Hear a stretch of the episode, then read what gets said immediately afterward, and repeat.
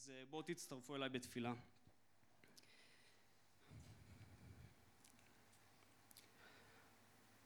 אבא אדון, אנחנו פה נאספים, כל כך הרבה אנשים מכל כך הרבה מקומות, ממקומות אחרים בחיים שלנו, מקומות גיאוגרפיים.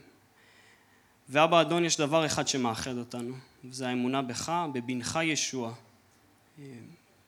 ואנחנו מאמינים בדבר אלוהים, בגלל זה אנחנו נאספים, בגלל זה אנחנו קוראים, בגלל זה אנחנו לומדים את זה, כדי לדעת אותך יותר, אבא. אז אבא אדון, אנחנו לא רוצים לבוא בגאווה, אנחנו רוצים לבוא בצניעות ובאמת לשמוע את קולך היום. אבא, בבקשה, עזור לנו להסיר כל מעמסה, כל דבר שמסיח את הדעת שלנו, עזור לנו להתמקד בדברך, בקול שלך. ואבא אדון, עזור לנו גם להשתנות על פי הדבר, עזור לנו ליישם את הדבר, להיות עושה הדבר. אבא אדון, עזור לי להתמקד בכתוב ולא במחשבות שלי. בשם האדון ישוע. אמן. טוב, אז לפני שנתחיל, אני חושב שממש מעניין שהשיר האחרון היה משפט שאמר בורא עולם אל עליון.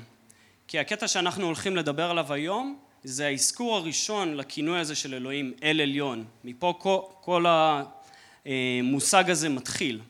ולכן אני חושב שזה לא צירוף מקרים, אני חושב שיש פה מישהו שתכנן את זה מראש. אז מה שאנחנו נעשה היום, אנחנו נלמד מבראשית פרק י"ד, אז אתם כבר עכשיו יכולים לפנות לבראשית פרק י"ד, ותוך כדי שאתם פונים לשם בואו נעשה סקירה קצרה רק כדי להבין איפה אנחנו, למי שלא מחובר, להבין קצת מה קרה בפרקים הקודמים. אז אנחנו בסדרה שנקראת חיי אברהם, וכמו שאנחנו יודעים, דמות של אברהם אה, מופיעה בפרק י"ב. אה, אלוהים קורא לאברהם לצאת מארצו, ממולדתו, מבית אביו, וללכת אל הארץ שהוא יראה לו, ארץ כנען שאנחנו יודעים. ואברהם נהנה בציות לקריאה של אלוהים, והוא בעצם יוצא מאור כשדים ומגיע בסופו של דבר אל כנען, אבל כבר בהתחלה אברהם נופל. אם אתם זוכרים, בראשית פרק י"ב, אברהם יורד למצרים בגלל פחד, בגלל חוסר אמונה באלוהים, בגלל שהיה בצורת, יורד לשם ולא רק שהוא עשה את זה ממניע אנוכי, הוא, הוא גם גורם לאשתו שרי לשקר לפרעה, הוא דואג רק לעצמו, ובעצם במבחן האמונה הזה הוא נופל, זה קטסטרופה. אבל תודה לאל הסיפור לא נגמר שמה ובפרק י"ג שיונתן, לא אני, יונתן ארנולד אה, לימד, אני לא מדבר בגוף שלישי, זה מבטיח לכם, אבל דיברנו בפרק י"ג על איך אברהם ולוט האחיין שלו נפרדו, הדרכים שלהם נפרדו דווקא בגלל שהייתה להם ברכה, היה להם כל כך הרבה צאן והיה להם כל כך הרבה מקנה שהיה ריב בין הרועים של לוט ובין הרועים של אברהם. ולכן הדרכים שלהם נפרדו וראינו אפילו את אברהם סוג של רודף שלום כי הוא נותן ללוט את הבחירה הראשונה לבחור לאן הוא ילך. ופה נגמר הסיפור אנחנו רואים שהדרכים שלהם נפרדות וזה ההקשר שלנו לבראשית פרק י"ד. בסדר? אז בראשית פרק י"ד לפחות החלק הראשון זה מהפרקים שאנחנו ממהרים לדלג או פשוט לקרוא את זה מאוד מהר כי יש כל כך הרבה שמות של מלכים, יש כל כך הרבה מקומות גיאוגרפיים ואנחנו מתחילים לאבד את זה. אז אנחנו פשוט מדלגים ומגיעים לקטע המעניין ויש קטע מעניין, מבטיח לכם. אמ, אז מה שאנחנו נעשה כדי להקל עלינו אני אקרא דווקא מהתרגום אה, של ספר העדות אה, שזה בעצם תרגום לעברית מודרנית אה, ואני אעשה את זה כדי להקל עלינו כי עדיין זה יהיה קצת מבלבל אבל לפחות להבין מה קורה שם ואנחנו לא מדלגים על הקטע כי אנחנו יודעים שכל קטע בדבר אלוהים יש לו סיבה, הוא יכול ללמד אותנו משהו. ואת האמת הקטע הראשון אם אנחנו לא נבין מה קורה בקטע הראשון הקטע השני הפגישה של אברהם עם מלכי צדק doesn't make sense. זה לא הגיוני לא מובן מה הקטע זה נראה ממש לא קשור. אז בואו נקרא יחד מבראשית פרק י"ד. אז אתם יכולים לעקוב בתנ"כים שלכם ואני אקרא תוך כדי מהתרגום של ספר העדות אז זה דבר אלוהים, וזה הולך ככה. המרפל מלך שנער, אריוך מלך אלעשר, כדרלעומר מלך עילם, ותדעל מלך גויים נלחמו בחמישה מלכים ברע מלך סדום, בירשה מלך עמורה, שנאב מלך אדמה, שם עבר מלך צבועים ומלך בלעה שהוא מלך צוהר, סליחה. חמשת המלכים נאספו בעמק הסידים שנמצאים בים המלח ובמשך 12 שנה הם היו משועבדים לעומר ובשנה ה-13 הם מרדו. בשנה ה-14 באו לעומר והמלכים שנלחמו לצידו וניצחו את הרפאים בהשטרות קרניים, את הזוזים בהם, את האימים בשווה קרייתיים ואת החורים בהר שעיר שליד אל פארן שבמדבר. הם שבו לעין משפט קדש ופגעו בכל שטחי עמלק וגם באמורים שהתגוררו בחצצון תמר. אז יצאו מלך סדום, מלך עמורה, מלך אדמה, מלך צבועים ומלך בלה ונלחמו בעמק הסידים בארבעת המלכים. כדרלעומר מלך אילם, תדעל מלך גויים, המרפל מלך שנער ואריוך מלך אלעשר. ארבעת מלכים נגד חמישה. עמק הסידים היה מלא בורות זפת. מלכי סדום ועמורה נמלטו ונפלו לתוך הבורות. האחרים נמלטו אל ההרים. ארבעת המלכים לקחו את כל הרכוש והאוכל מסדום ומעמורה והלכו משם. הם לקחו גם את לוט, בן אחיו של אברהם, שגר בסדום ואת רכושו. אברהם העברי גר באלוני ממרא האמורי. ממרא היה אחיהם של אשכול והנר שכרתו ברית עם אברהם. פליט בא אל אברהם משדה הקרב וסיפר לו מה שקרה. כאשר שמע אברהם שקרוב משפחתו נלקח בשבי, כינס את הבחורים שנולדו והתחנכו בביתו, 318 במספר, יחד יצאו למרדף עד דן. בלילה חילק אברהם את אנשיו לקבוצות, תקף את האויב ורדף אחריו עד חובה שמצפון לדמשק. אברהם השיב את כל הרכוש שלקח האויב, גם את בן אחיו לוט, את רכושו ואת הנשים וכל השבויים האחרים לקח אברהם בחזרה. כששב אברהם מהמלחמה, לאחר שניצח את כדרלעומר ואת המלכים שנלחמו לצידו, יצא לקראתו מלך סדום אל עמק שווה, שנקרא גם עמק המלך. זה חלק גדול, אמרתי לכם, אנחנו מאבדים את זה שם. אז בואו בוא נעשה קצת סדר, מה קורה פה, מי נגד מי, איפה, למה, כמה ומה הולך פה בסיפור הזה. אז שנייה, זה זה, הופה. אז מי נגד מי, כמה ולמה, עשיתי פה רשימה קצרה רק כדי שנבין. אז יש לנו שני מחנות. המחנה הראשון, ארבעה מלכים. המרפל, אריוך, כדרלעומר, עם הכוכבית, סימנתי לכם, זה מי שהמנהיג או זה שהראש של המחנה, שכל פעם מזכירים אותו, ותדעל. מהצד השני יש לנו את חמשת המלכים, את מלך סדום, מלך עמורה, מלך אדמה, מלך צבועים ומלך צוהר. אז המלחמה היא בין שני המחנות האלה. ומה אנחנו יודעים על המחנות האלה? אז זו שאלה מאוד טובה. אנחנו לא יודעים הרבה. לא מהתנ"ך, לא מממצאים ארכיאולוגיים, אנחנו לא יודעים הרבה על המלכים, אבל מה שאנחנו כן יכולים לדעת, ואני חושב שהכותב המקראי בכוונה מדגיש את זה, ואנחנו יכולים להבין את זה, זה דווקא הגיאוגרפיה. אנחנו יודעים הרבה על המקומות שמהם הם באים. ואני חושב שבגלל שהוא מדגיש כל כך את הגיאוגרפיה, חשוב לנו גם להבין מה הולך פה ומאיפה הם באים. אז בואו נעשה את זה יחד, ואנחנו נפנה אל המפה הזאת, שאולי תעזור לכם קצת יותר להבין מה קורה. אז בעצם, יכול להיות וזה קצת רחוק לכם ואתם לא רואים, אבל בעצם יש פה מפה של מזרח התיכון, אמ, יש פה את ישראל מצד שמאל, ואנחנו רואים עד ממש המפרץ הפרסי. ומה שאנחנו כן יודעים, זה אנחנו יודעים מאיפה ארבעת המלכים מגיעים. אנחנו יודעים על שניים על בטוח. אנחנו יודעים שמלך שנער, שזה המרפל, שנער זה בעצם בבל, אנחנו יודעים את זה מבראשית פרק י' אה, ולכן שמתי שם חץ, אז אחד מהמלכים מגיע מבבל ואנחנו יודעים גם שאילם נמצא קצת מזרחה מבבל וזה נמצא באזור איראן המודרנית של היום אם אתם רואים אפילו באנגלית רשום את זה אלם שמה. אז זה אה, בעצם המקומות של המלכים. שאר המלכים אה, מהמחנה של הארבעה, אנחנו לא בטוחים, אבל יש השערות שאחד מהמלכים הוא מאזור אשור, אז קצת יותר צפונית וקצת יותר מערבית משאר המלכים. ומלך גויים אנחנו גם לא בטוחים, אבל ההשערה של רוב החוקרים זה בעצם שהם מגיעים מאזור החיטים, אה, האזור הצפוני שם. אבל בתמונה הגדולה אנחנו כן יכולים להבין שהם באים מהמזרח, והם באים יחסית רחוק, כמו שאתם רואים. זה הרבה מאוד קילומטרים מארץ ישראל. ומהצד השני יש את המחנה של החמישה מלכים, נכון? של מלך סדום, מלך עמורה, ואותם אנחנו יודעים שכל החמישה מלכים האלה הם מאזור ים המלח, מאזור כיכר הירדן, ובעצם זה החץ הכתום שיש לנו שם. אז יש חמישה ערים יחסית קטנות, נמצאות ליד ים המלח, אבל מצד השני יש ארבע אה, מלכים אחרים שבאים מהמזרח הרחוק. וזה בעצם קצת להכניס לנו את התמונה, שזה בעצם לא סתם מלחמה בין ערים, לפעמים כשאתה קורא את זה אתה מדמיין ערים כאלה אחד ליד השני, כאילו נתניה נלחמים בהרצליה או רעננה או משהו כזה, אבל לא, זה בעצם מלחמה בקנה מידה עולמי, וזה מאוד uh, קטע גדול. והשאלה שנשאלת, אם אנחנו עוקבים ממש את הסיפור של חיי אברהם, בראשית י"ב דיברנו על אברהם ועל המשפחה שלו, בוא נחשוב שאם היה סרט על ספר בראשית, היה מעין זום אין רק על המשפחה של אברהם וספציפית על אברהם.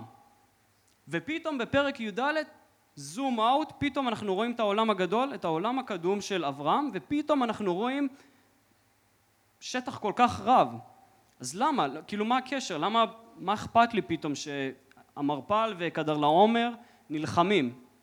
אז בואו נמשיך ביחד לפסוקים הבאים, ואנחנו נבין למה המלחמה הזאת היא קריטית לנו להבין את זה. אז דבר ראשון, בואו נשאל את השאלה למה היה לנו את המלחמה הזאת.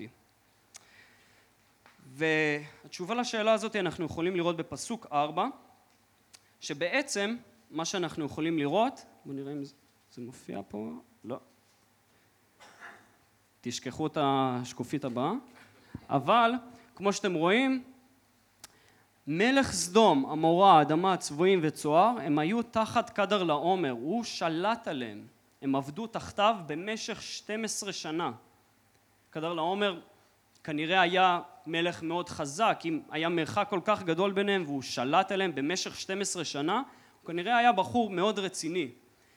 ואחרי 12 שנה נמאס להם, נמאס להם והם מורדים בקדר לעומר.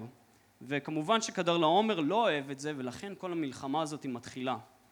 אז אם נחזור אל העולם שלנו, העולם הקדום, העולם של אברהם, מה שבעצם קדר לעומר עושה, הוא אוסף שלושה מלכים נוספים והוא יוצא לאיזשהו מסע של להשיב את, ה, את הישן, את מה שהיה מקודם, את הסדר הישן. ומה שהוא עושה, אה, אני ממש מנסה לתמצת לכם כדי שנגיע לסצנה הכי עיקרית, הוא בעצם אוסף את כולם והם באים מצפון לישראל, מאזור סוריה, מאזור דמשק שמה, והם יורדים דרומה ובדרך הם פוגעים בהרבו, בהמון עמים. קראנו על הרפאים, על הזוזים, על האימים, על חורי, על עמלק, על המורי, גם עמים אחרים, כי הם היו צריכים להגיע אל ארץ ישראל וספציפית לים המלח. אז הם הגיעו מהצפון, ירדו דרומה וירדו בחלק המזרחי של נהר הירדן. אם אתם יכולים לראות את חצור ויש קו למטה, זה נהר הירדן, והם יצאו, אה, לא יצאו, אבל הם הלכו לאורך הירדן מצידו הימיני, מצידו המזרחי, עד למטה, והם הגיעו עד אל פארן, שאל פארן זה בעצם אילת המודרנית של היום, הגיעו עד אילת, הלכו בטיילת, קצת, קצת מעבר לזה, ועלו צפונה לים המלח, ושם בעצם הם נפגשו עם חמשת המלכים. בעמק הסידים, שם הייתה המלחמה הגדולה. אוקיי? אז עד לפה אנחנו מבינים פלוס מינוס, לא כזה מסובך, מבטיח שעברנו את החלק הקשה.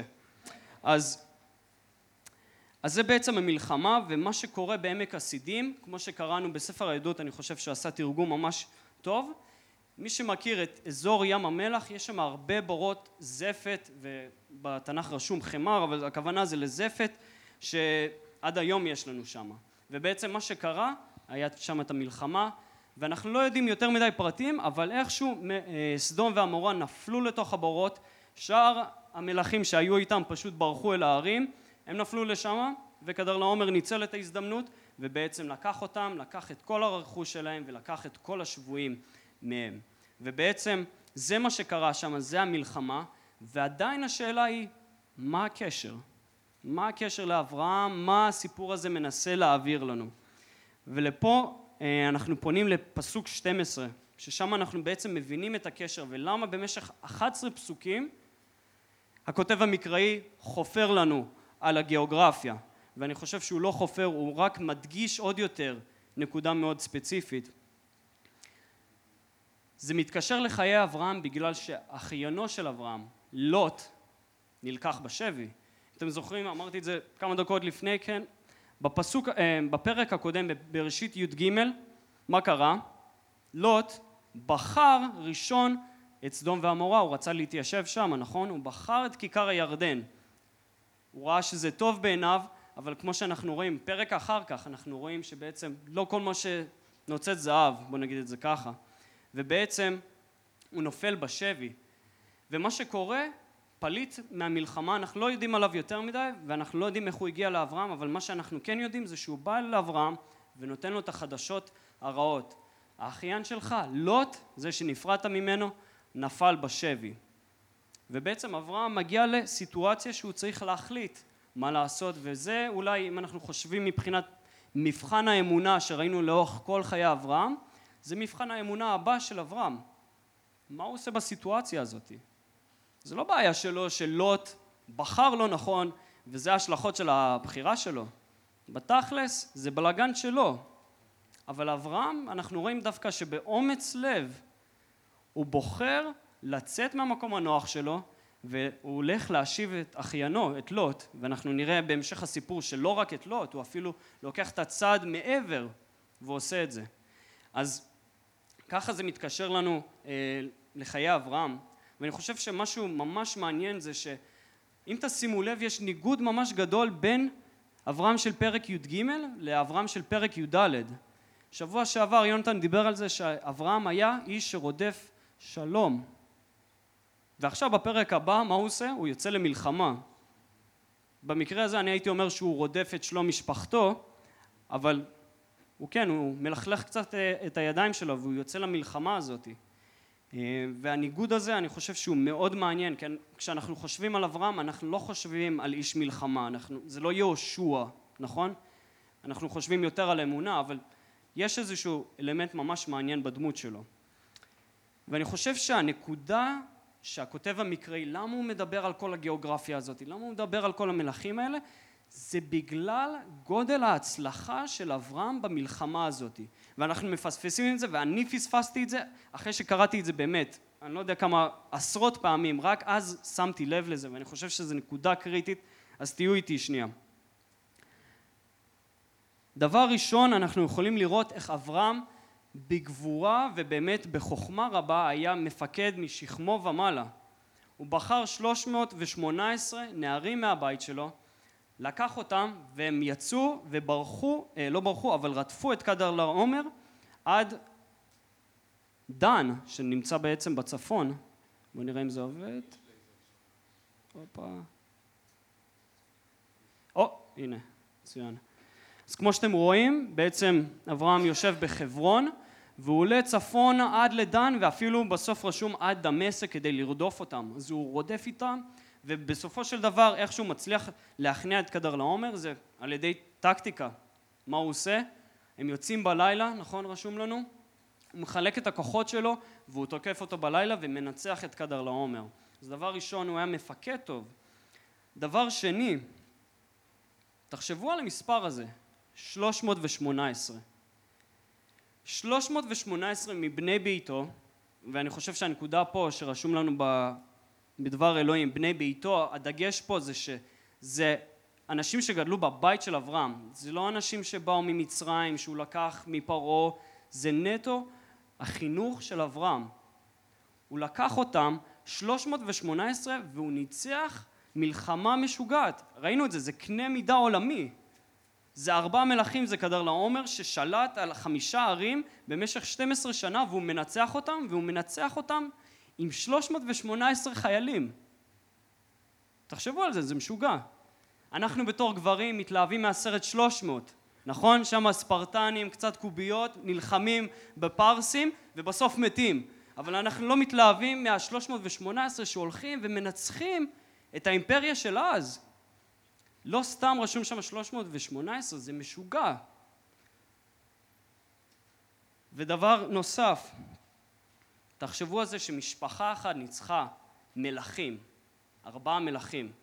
אז אני חושב שהגיאוגרפיה רק מדגישה לנו עד כמה הצלחה היה לאברהם, עד כמה הוא היה באמת בקנה מידה פשוט משוגע, וזה, אני בטוח שזה היה ידוע בכל העולם על מה שאברהם עשה שם. אז אנחנו חייבים להבין את גודל ההישג כדי להבין את הקטע הבא שאנחנו נקרא. בסדר? וזה אמ, בעצם מה שאני רוצה להגיד על הקטע הזה. ואה, נקודה אחרונה לפני שנעבור לקטע הבא, תשימו לב שגם אברהם, המניע שלו הוא לא רק מניע של שלום המשפחה שלו, כמו שדיברנו, מעבר לזה, אם תסתכלו איתי בפסוק 16 רשום שהוא השיב את כל הרכוש, הוא השיב את לוט אחיו ואת רכושו גם וגם השיב את כל הנשים ואת כל העם זאת אומרת זה כבר הפך לא רק למבצע משפחתי לא רק כדי להשיב את אחיונו זה פתאום הפך לקנה מידה עוד יותר גדול. הוא השיב את כל סדום ועמורה. היה לו אכפת מהאנשים שנפגעו מהמלחמה הזאת אלה שנפגעו מההשלכות והיה מוכן להציל אותם. אז אני חושב שלא רק רואים את האומץ לב ועד כמה ההישג של אברהם היה גדול, אלא גם אולי את ההיבט הרחמני יותר, את הרחמים שלו, עד כמה הוא ראה את אלה שנפגעו, את אלה שהם אה, חסרי מנוס ובעצם עשה משהו לגבי זה. אז זה בעצם מה שקרה ממש בכמה מילים, ועכשיו בואו ננסה להבין ביחד את הסצנה הבאה כשאנחנו זוכרים את כל ההקשר הזה, את כל ההצלחה של אברהם. בסדר?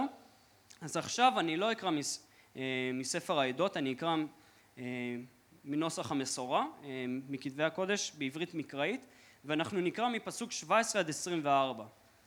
ותשימו לב, לפני שאנחנו נקרא, יש שם שני מפגשים, והמפגשים האלה קריטיים, כי אנחנו גם נראה את זה בהמשך הסדרה, איך הם משפיעים על החיים של אברהם. וגם פה יש לו עוד מבחן אמונה. אז תוך כדי שאני קורא, תנסו לחשוב מה המבחן אמונה שאברהם נמצא בו כעת. בסדר?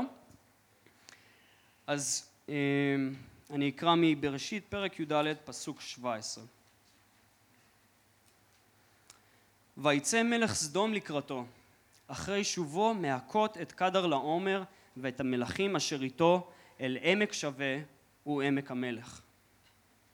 ומלכי צדק מלך שלם הוציא לחם ויין והוא כהן לאל עליון ויברכהו ויאמר ברוך אברהם לאל עליון, קונה שמיים וארץ, וברוך אל עליון, אשר מיגן צריך בידך, ויתן לו מעשר מכל.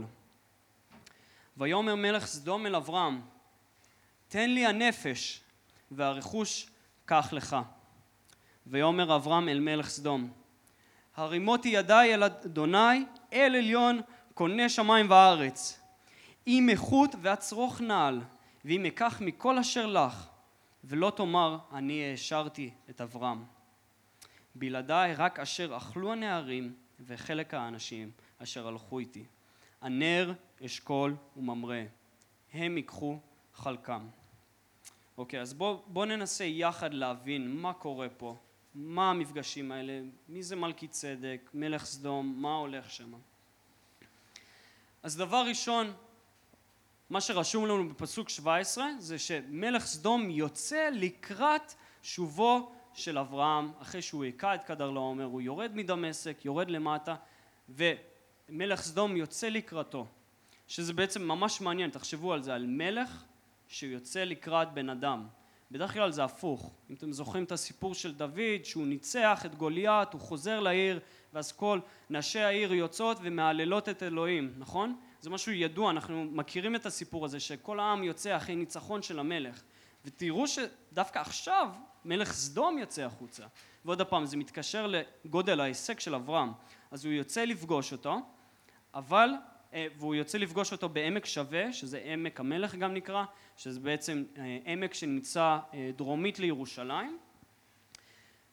ומה שמעניין זה ש רשום לנו שמלך סדום יוצא לקראתו, ואז פתאום, משום מקום, בלי שום הקדמה, פתאום פסוק שמונה עשרה, מלכי צדק מגיע משום מקום, ופתאום המפגש הוא לא עם מלך סדום, אלא עם מלכי צדק. אם אתם שימו לב, זה ממש סוג של כניסה דרסטית כזאת, זה אפילו כשאתה קורא את זה אתה כזה, רק שנייה, מה קורה? חשבתי שהוא נפגש עם מישהו אחר, ואפילו תנסו לעשות את זה, אם אפילו ממש תמחקו, אל תמחקו, אבל אם הייתם מוחקים את פסוק 18 עד 20 והייתם קוראים פשוט את זה, לא הייתם שמים לב שאיזושהי סצנה לא שמה. אני חושב שהכותב המקראי שם את הסצנה הזאת בדיוק ככה, כדי שאנחנו נשים לב, כי יש חשיבות ממש גדולה למפגש של אברהם עם מלכי צדק. בסדר? אז בואו בוא נסתכל ביחד וננסה להבין דבר ראשון מי הוא מלכי צדק לפני מה שהוא אמר ומה קורה שם. וזה החלק שהכי פחדתי ממנו בדרשה, סתם, אבל אה, כי יש הרבה תיאוריות לגבי מלכי צדק ולצערנו תשובה חד משמעית אני לא יכול לתת לכם אם אני אהיה נאמן לכתבי הקודש. אה, מוזכר על מלכי צדק רק בשלוש מקומות בסיפור שלנו בבראשית י"ד, במזמור ק"י ובאיגרת אל העברים, בברית החדשה, אה, מחבר אל העברים, סוג של נותן לנו גם פרשנות על מה שקרה עם מלכי צדק. אז דבר ראשון יש לנו מיעוט בקטעים וגם הקטעים ההם עצמם יש שם שפה מסובכת ושפה שלפעמים נראית שסותרת את עצמה וקשה לנו להבין מה קורה שם. אז יש כמה אופציות למי הוא מלכי צדק אה, ואני אנסה להציג לכם את כל האופציות ואני אגיד לכם מה אני חושב אבל בוא נגיד באמונה שלנו יש דברים שאתה תהיה מוכן למות עבורם זה לא אחד מהם. אתה, אתה מוכן למות עבור הבשורה, אתה יכול למות כששמים לך אקדח לרקה וישאלו אותך אם ישוע המשיח, אתה תגיד כן. אבל לגבי מלכי צדק, אני מוכן לדון, להתווכח, אבל מעבר לזה לא. אמ, אז בואו ננסה קצת להבין מי הוא. אז דבר ראשון, מה שאנחנו על בטוח יכולים לדעת זה שהוא מלך של מקום מסוים, מלך שלם. שלם מוזכר עוד פעם אחת אה, במזמורים, במזמור ע"ב אם אני לא טועה, אה, כאיזשהו שם נרדף לירושלים. יש אחרים חוקרים שחושבים שזה שכם, אני נוטה יותר להסכים לירושלים, אבל בכל מקרה הוא מלך של מקום ספציפי, הוא דמות היסטורית. אה, דבר שני, אנחנו יודעים שהוא מלך והוא גם כהן גדול, שמאוד מעניין, והוא לא כהן של סתם איזשהו אל פגאני, הוא כהן של אל עליון רשום, אז אנחנו יכולים להבין שהוא בעצם מהלל את אלוהי ישראל. אז מפה יש לנו שלוש אופציות, אולי קצת יותר, תלוי את מי אנחנו שואלים, אבל בעצם יש כמה אנשים שנוטים להגיד שמלכי צדק היה דמות היסטורית וזהו, אין משהו מיוחד בו. אה, חלק מהרבנים שלנו דווקא אומרים שמלכי צדק זה שם, אם אתם זוכרים אחד מהבנים של נוח זה שם, ובאותה תקופה הגיוני שהוא היה עוד חי, ולכן הם חושבים שזה היה אה, סוג של סבא רבא רבא שלו. אבל שתי הדעות הכי מובילות אה, לגבי מלכי צדק זה שדבר ראשון הוא היה דמות היסטורית שהייתה צל של המשיח זאת אומרת הוא היה איזושהי דמות שמרמזת או מסמלת את המשיח בגלל שכמו שאנחנו יודעים שישוע הוא גם כהן והוא גם מלך על החיים שלנו ועל כל העולם הזה נכון? אז יכול להיות ובעצם מלכי צדק היה סוג של איזשהו צל למה שעתיד לבוא למה יהיה המשיח אז זה אופציה אחת, האופציה השנייה זה אנשים שאומרים שבעצם מלכי צדק הוא התגלמות ישוע לפני ביאתו הראשונה בלבוש בשר זמני. אם אתם זוכרים, או אנחנו נדבר על זה אפילו בעוד כמה שבועות, אמ, על בראשית פרק י"ח, אה, שאברהם נפגש עם כמה מלאכים, ואחד מהם הוא אדוני, אז אנחנו מאמינים שישוע הוא ההתגלמות שם, אז באותו אופן אה, חלק מהאנשים חושבים שמלכי צדק הוא באיזשהו מובן התגלמות של ישוע. אמ, אז כמו שאמרתי, גדולים ממני התקשו עם השאלה הזאת וגם אני. כל אופציה מכילה חורים, והשאלה עם איזה בעיות אתה מעדיף לחיות. אמ, אני נוטה להאמין שזה התגלמות של ישוע לפני ביאתו הראשונה, אבל כמו שאמרתי לכם, אני לא מוכן למות עבור זה, ואני חושב שגם הפואנטה זה לא עם מי אברהם אה, נפגש. אם תקראו קצת פרשנות על הקטע הזה, הרבה פרשנים מדברים על מלכי צדק ועד כמה חשוב להבין מי הוא, אבל אני חושב שזה לא אפשר לדבר על זה, אבל מה שבאמת שינה את אברהם, ואנחנו נראה איך זה שינה, זה דווקא מה שמלכי צדק אמר לו, ולאו דווקא הסטטוס שלו. אז גם אם נסכים לא להסכים, בוא, בוא נתמקד יותר על מה שמלכי צדק אומר לאברהם, אוקיי? אז דיברנו על מלכי צדק, מי אנחנו חושבים שהוא? אז אה, בואו נראה מה מלכי צדק עושה ומה קורה במפגש הזה. אז דבר ראשון, מלכי צדק אה, מגיע והוא מוציא לחם ויין. הרבה אנשים נוטים להגיד שזה בעצם סמל סעודת האדון, זה לאו דווקא סמל לסעודת האדון, אנחנו מכירים מקומות אחרים גם, שנגיד ישי שלח את דוד עם לחם ויין, ואנחנו לא חושבים שדוד ערך סעודת האדון עם שאול, זה בעצם איזשהו, כן, למלא את הצרכים הפיזיים של אברהם, תזכרו, הוא חזר מהמלחמה, חזר עייף, וזה בעצם איזשהו, אה, כן, הוא עונה לו על הצרכים הפיזיים. ובואו נראה מה בעצם מלכי צדק אומר לאברהם. אז אני אקרא את זה עוד הפעם רק כדי שנזכור. אז הוא אומר לו, הוא מברך אותו והוא אומר לו, ברוך אברהם לאל עליון, קונה שמיים וארץ. ברוך אל עליון אשר מיגן צריך בידך. אז בעצם מלכי צדק מברך את אברהם. ואם תשימו לב, בברכה שלו, מלכי צדק עושה שלוש דברים קריטיים. שלוש דברים קריטיים. דבר ראשון, תשימו לב, הוא אומר לו, ברוך אברהם לאל עליון, זאת אומרת על ידי אל עליון, קונה שמיים וארץ. חשוב להדגיש את זה, תזכרו, אנחנו קוראים את זה עכשיו במבט לאחור ואנחנו רואים את כל התמונה, אז אנחנו, אה סבבה, ברור שהוא ניצח את המלחמה, אבל זה, לאברהם זה לא היה ברור, הוא לא ידע את הסוף. מעבר לזה, לא היה לו את אותו ידע שלנו יש על אלוהים. הוא מבחינתו, מה שהוא יודע, אלוהים קרא לו לצאת מארצו, לך לך. והוא פשוט הקשיב לקול הזה. הוא היה לפני זה עובד אלילים, אם אתם זוכרים. הוא לא יודע את הכל, והידיעה הזאת, בעצם מלכי צדק מרחיב את הידע שלו על אלוהים.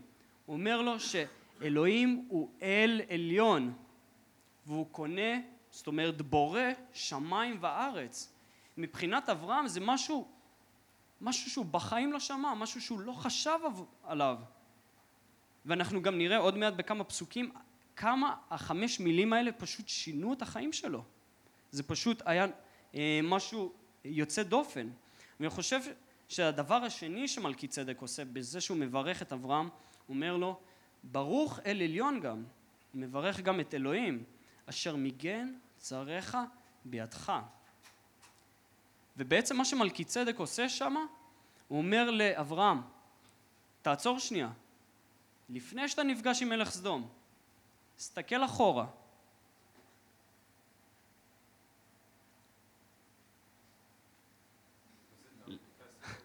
הופה. למלכי צדק זה היה קצת יותר חלק, אבל uh, הוא אומר לו, תסתכל אחורה. תסתכל על המלחמה, תסתכל על ההישג שלך, תסתכל על 318 החיילים שלך שאיתם ניצחת. זה אלוהים. הוא זה שהגן עליך. ואני חושב שזה לא במקרה שהוא עושה את זה. אם ראיתם איך קראתי לדרשה הזאת בהתחלה, יש איזושהי סכנה בברכת אלוהים. נכון, ברכת אלוהים היא טובה, אבל יש סכנה ממש גדולה, והסכנה הזאתי זה שאנחנו לא נסתכל אחורה, זה שאנחנו נרוץ קדימה ונחשוב שהכל בידיים שלנו, שאנחנו נחשוב שאנחנו זה שהבאנו את הניצחון, ואני חושב שמלכי צדק סוג של נכנס באמצע לסצנה הזאת בכוונה, כדי להזכיר לאברהם, להגיד לו, אברהם, זה מה שאלוהים הבטיח לך, אתם זוכרים את בראשית פרק י"ב? אומר לו, לך לך מארצך, אני אעשה אותך לגוי גדול, אני אתן לך את הארץ הזאת, ואני אברך אותך, ודרכך אתה תהיה ברכה לכל משפחות האדמה. אברהם, פה, ברגע זה, יש סוג של מימוש של ההבטחה הזאת, עוד לא באופן מלא, אבל יש איזשהו צל למה עתיד לבוא. והוא אומר לו, אברהם, שלרגע לא תחשוב שזה בגללך, זה אלוהים שנאמן להבטחות שלו. ואני חושב שזה הכניסה של מלכי צדק, ואני חושב שבגלל זה זה סופר קריטי שנשים לב להצלחה של אברהם, כי זו באמת הייתה הצלחה משוגעת, אבל הכבוד לא הולך לאברהם. אם אנחנו התלהבנו כל כך לפני כמה דקות מאברהם וכמה ההישג שלו היה גדול, אנחנו גם נפלנו באותה טעות. בעצם אלוהים הוא זה שהביא את הניצחון הזה, לא כל הכבוד, ושלרגע אחד לא נחשוב שזה בזכותנו, ולכן הוא עוצר אותו. ובגלל שהוא עוצר אותו, הדבר השלישי שמלכי צדק עושה לו, הוא גורם לו, או יותר נכון, הוא מונע ממנו לחטוא, מונע ממנו להגיע לחטא הגאווה. הרבה חטאים נובעים מתוך הרצון שלנו, הרצון הזה בפנים להיות גאו, גאוותנים, לקחת את הכבוד של אלוהים, לשבת על הכיסא שלו. הרבה פעמים זה מונע משמה, ומלכי צדק עוצר אותו ברגע האחרון. והוא בעצם משפיע עליו. אז בעצם מה שהוא עושה, הוא עושה שלוש דברים. הוא מרחיב את הידיעה של אברהם לגבי אלוהים, הוא מספר לו על האופי של אלוהים. מפנה את תשומת ליבו לאחד שאחראי על ההצלחה שלו. ודבר שלישי, דרך זה הוא מונע מאברהם לחטוא. וזה למה זה כל כך קריטי, הסיפור הזה של מלכי צדק, כי אנחנו גם נראה את זה בהמשך, איך זה בעצם מתבטא. ואנחנו ממש יכולים לראות את זה התבטאות ראשונה של זה זה בפסוק עשרים. אם תסתכלו ממש בסוף רשום אחרי שהוא מברך אותו ויתן לו מעשר מכל אז מהעברית פה זה קצת לא מובן מי נתן מעשר למי מלכי צדק לאברהם או אברהם למלכי צדק אבל אם אנחנו פונים לאיגרת אל העברים פרק ז' אנחנו רואים שמחבר אל העברים מפרש את זה שאברהם נתן את, ה, אמ, את המעשר ולכן אמ, אנחנו יכולים לראות שאברהם ישר בעניין של רגע אחד הוא הבין מי הוא אלוהים, הוא הבין את המקום שלו, הוא הבין שכל הכבוד לאלוהים והתגובה הטבעית שלו הייתה מעשר, שבמילים אחרות זה היה השתחוויה, זה היה הלל. הוא נתן לו ממה שאלוהים נתן לו, וזה בעצם מה שנקרא לברך את אלוהים. תחשבו על זה פעם, אותי זה לקח לי הרבה זמן להבין את זה, איך אנחנו, בני אדם, יכולים לברך את אלוהים. אלוהים אני יכול להבין, הוא מביא לנו ברכה, הוא, הוא אחראי על כל טוב בחיים שלנו, אבל איך אנחנו יכולים לברך אותו? הוא לא צריך שום דבר. אבל הברכה הכי גדולה שאנחנו יכולים להביא לאלוהים זה הלל. זה מעשר, זה מתבטא בהכל, זה לא רק שירה, זה החיים שלנו, חיי הלל והשתחוויה לאלוהים, ובעצם אנחנו רואים את התגובה הטבעית של אברהם, התגובה הראשונית שלו זה לתת מעשר. ותחשבו על זה, זה הוא רק ניצח עכשיו מלחמה, הוא עכשיו עדיין יצא רק מהשטח, כולו בבלגן, וזו התגובה הראשונית שלו. וזה לא נגמר שמה, זה ממשיך עם המפגש עם מלך סדום. אז בואו נדבר קצת על המפגש עם מלך סדום.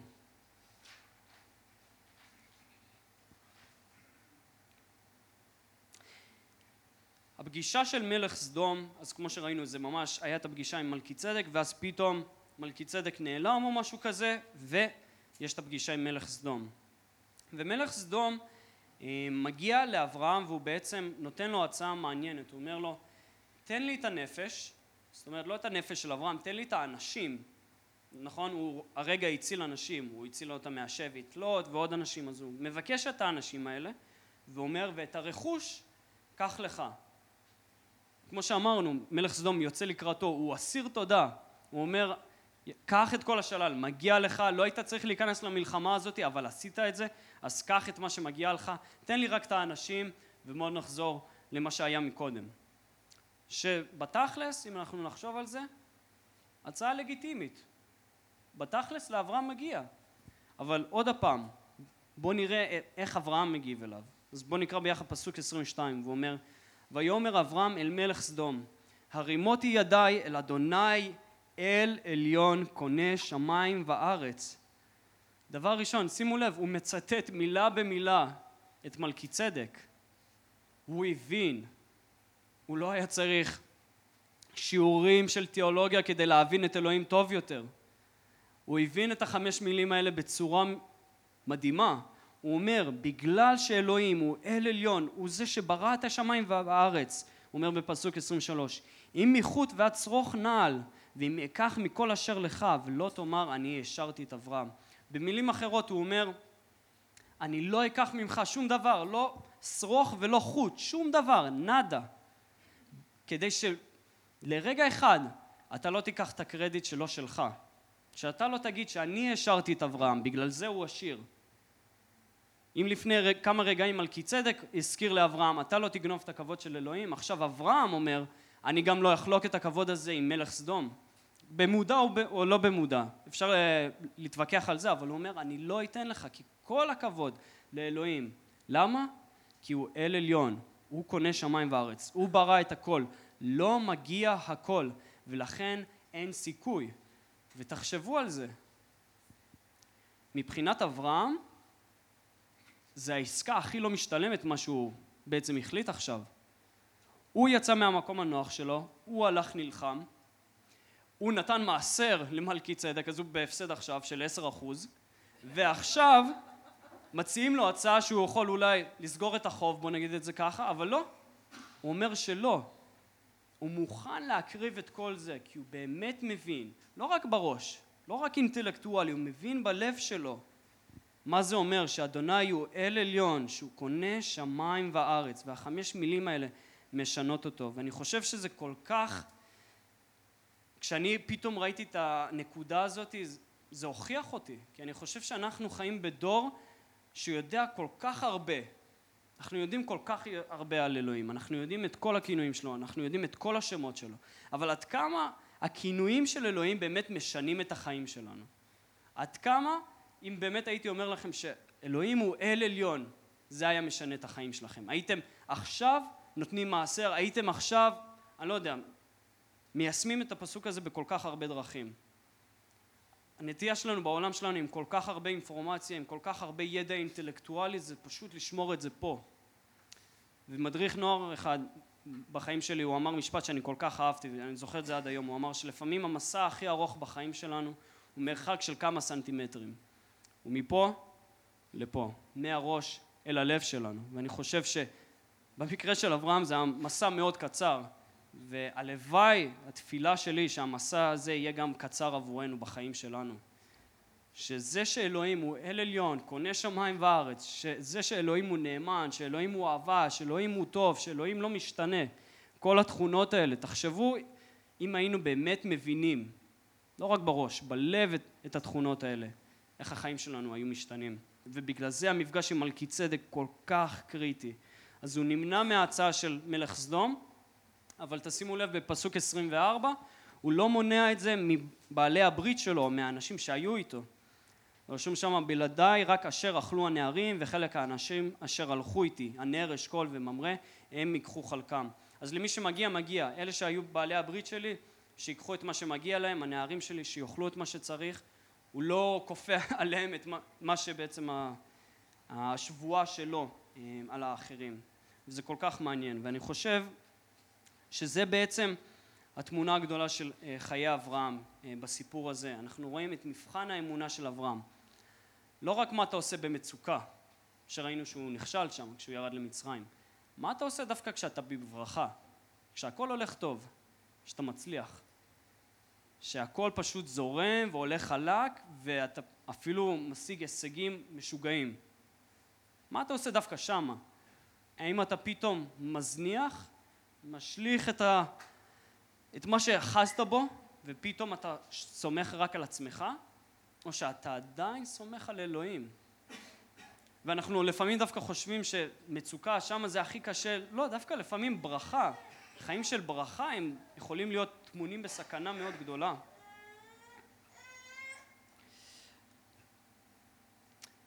ואני חושב שאברהם עומד במבחן האמונה הזה בגלל שהוא נפגש עם מלכי צדק. לא בגלל מי שהיה מלכי צדק, אלא בגלל מה שהוא אמר לו, שממש שינה את חייו, ואנחנו גם נראה את זה בפרקים הבאים.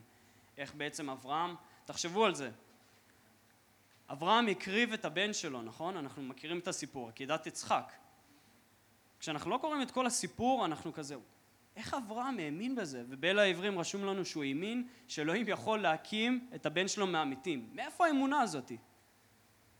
אני חושב שהקטע הזה זה עוד איזשהו סימן, עוד איזשהו משהו שדחף את אברהם להאמין באלוהים. הוא ידע מי הוא אלוהים, הוא ידע מה התכונות שלו.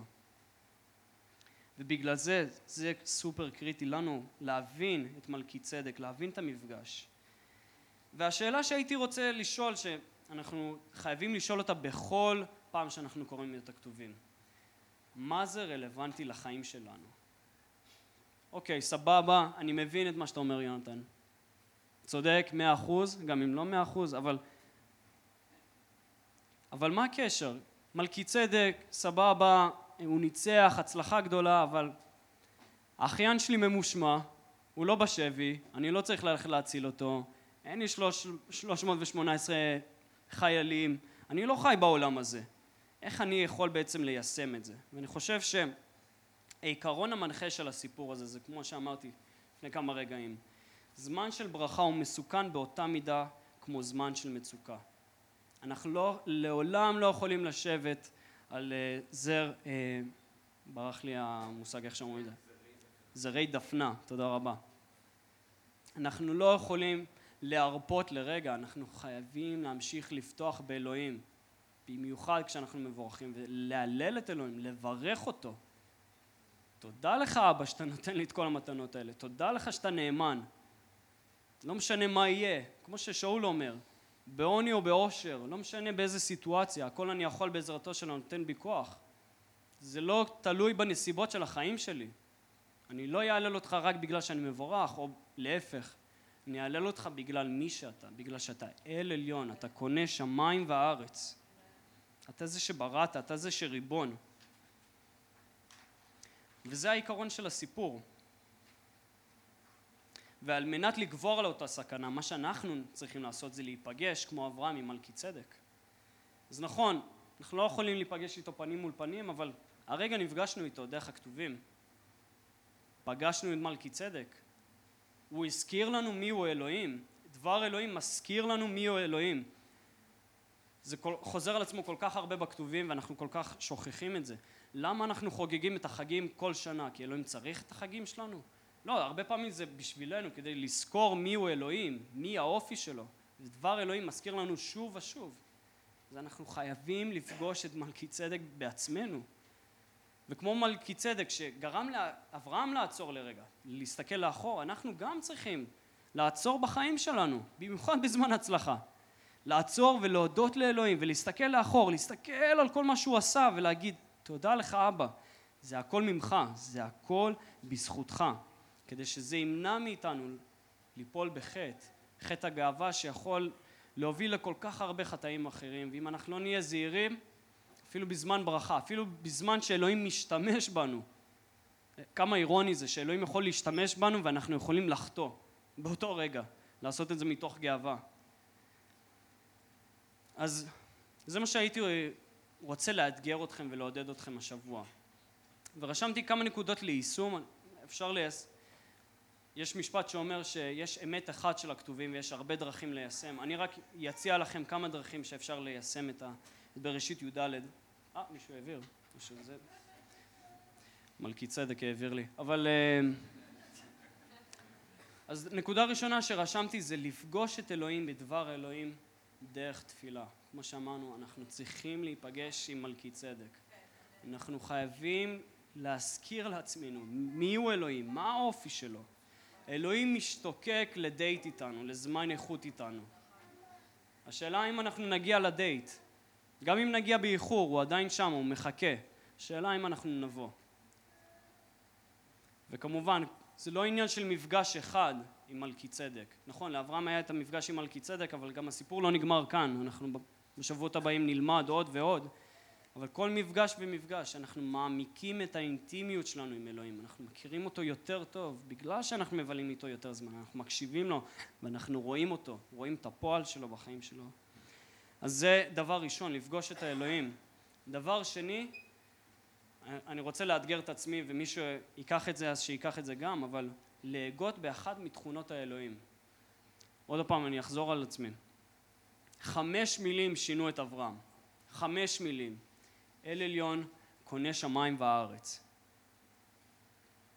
תחשבו על תכונה אחת של אלוהים, תכונה אחת של אלוהים השבוע, או במשך חודש, או כמה זמן שאתם רוצים, או כמה תכונות, לא משנה. תחשבו על תכונה עכשיו, תהגו על זה. אם ככה זה שינה את אברהם, אני רוצה שזה ישנה אותי. אני, אני יכול להגיד לכם מהחיים האישיים שלי, השבוע, לא השבוע האחרון, השנה האחרונה, תכונה אחת שחזרה על עצמה בהרבה קטעים שקראתי ולמדתי, זה בעצם שאלוהים לא משתנה. וככל שהעמקתי את המחשבה הזאת, היה לי בהרבה יותר ביטחון באלוהים. כי אם, אם אלוהים לא משתנה, זה אומר שמישהו היה אתמול, מישהו, היה, מישהו היום, זה יהיה מי שיהיה מחר. מה שהוא עשה עם אברהם הוא יעשה גם איתי, אולי לא באותה דרך, אבל הוא אותו אופי. מה שהוא עשה בחיים האישיים שלי, זה שהוא הציל אותי, זה שהוא סיפק לי את הברכות. אותו דבר, זה ימשיך להיות ככה, לא משנה מה הנסיבות חיים שלי. בגלל זה יש לי כל כך הרבה ביטחון, לא משנה מה, מה יקרה, וזה לא עניין של קלישאה, זה לא עניין של סתם להיות שמח כשרע לך, זה באמת להיות בטוח שיש לך מקום שאתה יכול לעמוד עליו, סלע איתן, ושום דבר, שום דבר, באמת שום דבר לא יזיז אותך משם. אז תחשבו על תכונה אחת, אולי אפילו תכונה דווקא שקשה לכם עם אלוהים. משפט, הרבה אנשים קשה להם עם משפט. תחשבו על זה, תהגו על זה, תשאלו את האדון. מה זה אומר? איך זה מסתדר אלוהים? אני לא מבין. ואני בטוח שאם באמת תבואו בתפילה, בתפילה כנה, הוא יראה לכם. אולי לא במפגש אחד, אבל בסופו של דבר הוא יראה לכם מי הוא. ודבר שלישי, אני חושב יישום נוסף שאנחנו יכולים לעשות, זה בעצם עצירות יזומות כדי להביט לאחור על פועל אלוהים בחיים שלנו. מדי פעם אנחנו צריכים את המלכי צדק הזה שיעצור אותנו.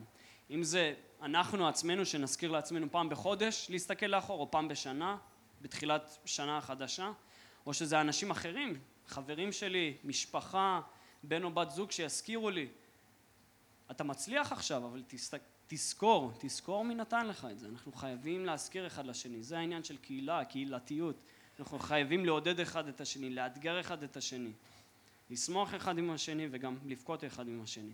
וחלק מזה זה גם לעזור לנו לא ליפול, ולא בקטע של להתנצח, לא בקטע של גאווה, אלא בקטע של באמת אנחנו לא רוצים שתיפול לחטא הגאווה. כל כך הרבה אנשים נפלו, אנחנו רואים את זה כל כך הרבה פעמים עם מאמינים ולא מאמינים.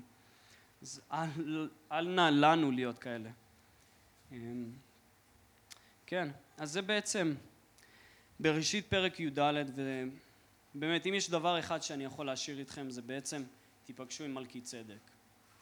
תזכרו שבזמן ברכה, בזמן ברכה, גם שם יש סכנה. וצריך להיזהר, צריך להמשיך לאחוז באלוהים. ולהיזכר בו, מה שהוא עשה עבורנו.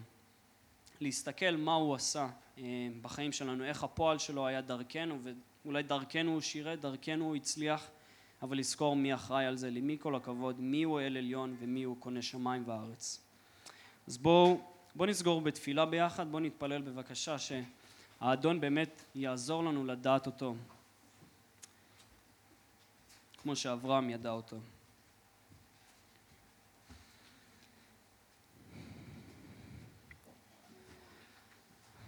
אל עליון, קונה שמיים וארץ, בורא השמיים והארץ. אבא אדון, תודה לך על אברהם, תודה לך על החיים שלו. תודה לך על הכתובים שמסופר לנו על החיים שלו, שאנחנו יכולים ללמוד מהניסיון שלו, מזה שהוא עמד במבחן האמונה אבא. אבא, תודה לך שהשתמשת בו, שברכת אותו. אבא אדון, תודה לך שאתה מברך גם אותנו, גם היום. תודה לך על כל הטוב שלך, שאתה פשוט שופע ושופך עלינו בלי סוף, אבא. אבל אבא אדון, אנחנו מבקשים סליחה אם סטינו לרגע, אבא, וחשבנו שזה בגללנו, אבא. אנא סלח לנו. אבא אדון, אנחנו מבקשים, אבא, כמו שמלכי צדק הזכיר לאברהם, מי אתה, מי הוא, למי מגיע כל הכבוד, אבא. תזכיר לנו מי אנחנו, מי אתה. אבא, עזור לנו להבין את התכונות שלך באופן אינטימי. להבין את זה לא רק מבחינה אינטלקטואלית, אלא גם בלב, אבא. אבא, שהתכונות שלך, שהאופי שלך ישנו את החיים שלנו. שכמו שאברהם נתן מעשר, כמו שאברהם סירב למלך סדום, אבא, עזור לנו גם ליישם את זה. אבא אדון, תודה לך שאתה אוהב אותנו, גם אם אנחנו נופלים במבחני האמונה שלנו. אבא אדון, אנחנו פשוט מודים לך על האהבה הגדולה שלך, שהתגלמה בבנך ישוע, המשיח, אבא. עזור לנו להידמות לו יותר מיום ליום, אבא. עזור לנו לברך אותך בזמן ברכה. לא לברך את עצמנו, לברך אותך, את מי שמגיע לו כל מתפלל את כל זה, אבא, בשם בנך היקר, בשם בנך הקדוש, בשם ישוע. אמן.